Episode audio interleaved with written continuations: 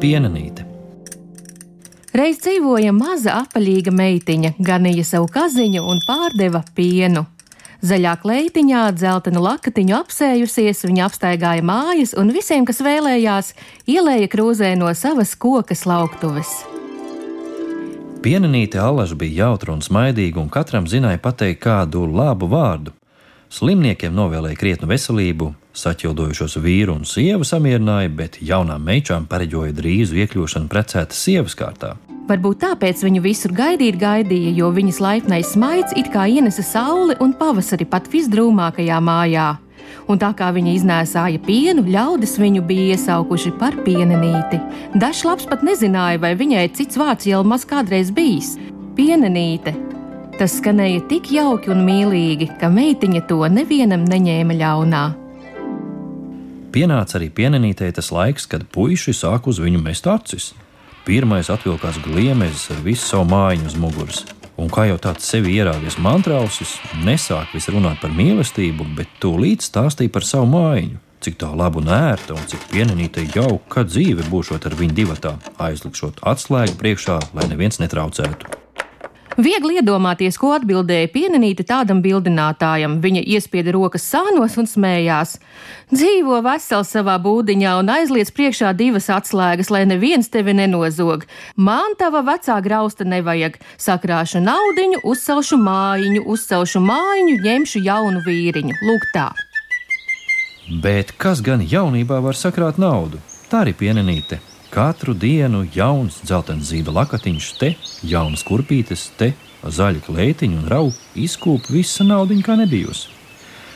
Ieskatījās skaistulīti turīgais sirsenis un brauca precībās.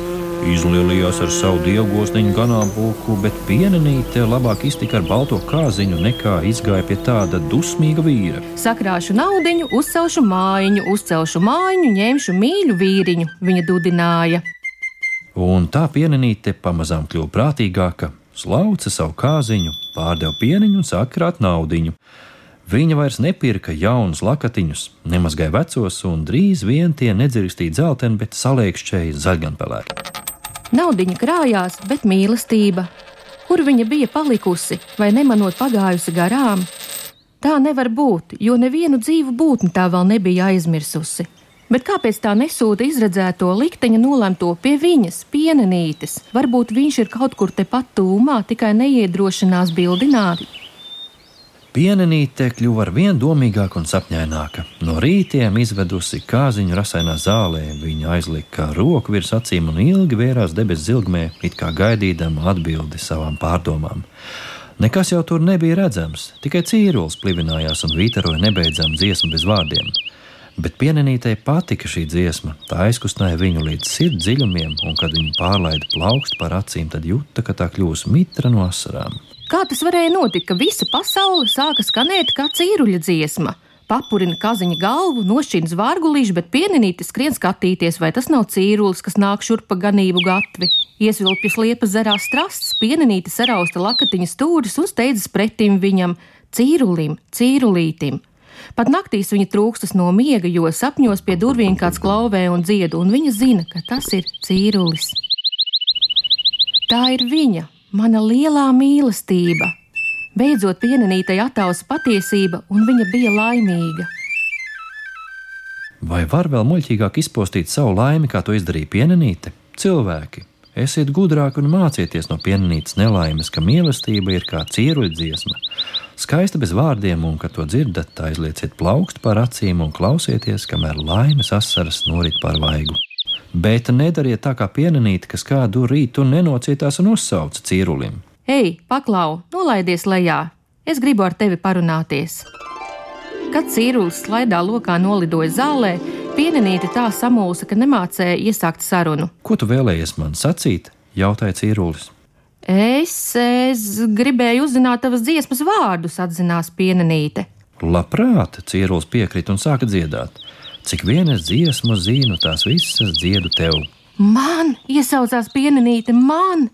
Man jau likās, ka tu dziedi tikai man, bet nu tu pats to pateici. Tad jau rīkosim drīzāk kāzas. Mēs? Kāzas, brīnījās Cīrulis, bet. Ak, es jau zinu, ka tu neesi bagāts, bet es taču bagātību nemeklēju. Man pietiks tavas mīlestības, pienenīte viņu pārtrauca. Manas mīlestības. Cīrulis apjuka, bet es. Beidz stiepties jaukais čelmi. Pienenīte padraudēja Cīrulim ar pirkstu. Še, nodzeries kazas pieniņu, tad runāsim tālāk. Cirulim aiz pārsteiguma mute bija kļuvusi sausa, un viņš iedzēra malciņu, bet tūlīt to izspļāva. Rūkts kā vērmelis, viņš teica, slaucīdams knābi. Pienenīte pagaršo, tiešām rūkts. Nu, tikai viņa atcerējās, ka jau trīs dienas aizmirsusi izslaukt kaziņu, klausīdamās cīruļa dziesmā. Tas nekas, ka pieniņš rūkts, toties salda būs mana bučiņa. Viņa iesaucās grasīdamās krist cīrulim ap kaklu. Bet cīrulis spurkšs uzspurdz gaisā un iedziedājās. Cik vienas dziesmu zinu, tās visas dziedu cīruļastiņai. Nu tikai pienenīte saprata, ka cīrulis nemīl viņu, bet gan cīruļastiņu. Ko darīt, kā būt, kur ņemt padomu? Un pienenīte vicināja savu izbalējušo lakatiņu un sauca: Pagaidi, pagaidi, es tev vēl kaut ko pateikšu, nāc pie manis, man ir daudz naudas. Bet cīrulis celās arvien augstāk un augstāk un dziedāja savu dziesmu. Lai tad izput mana naudiņa visos vējos, pienenīt iekliedzās un atrausa vaļā naudas maisiņu, grāba no tā saujām dālderis un svieda pakaļ cīrulim. Ak, kā lidoja dālderi un orti, kā tie virpuļoja vējā! Bet pienenītei likās, ir kā cīrulis no debesu zilgmas sauktu. Man dziesma nav par naudu pērkama.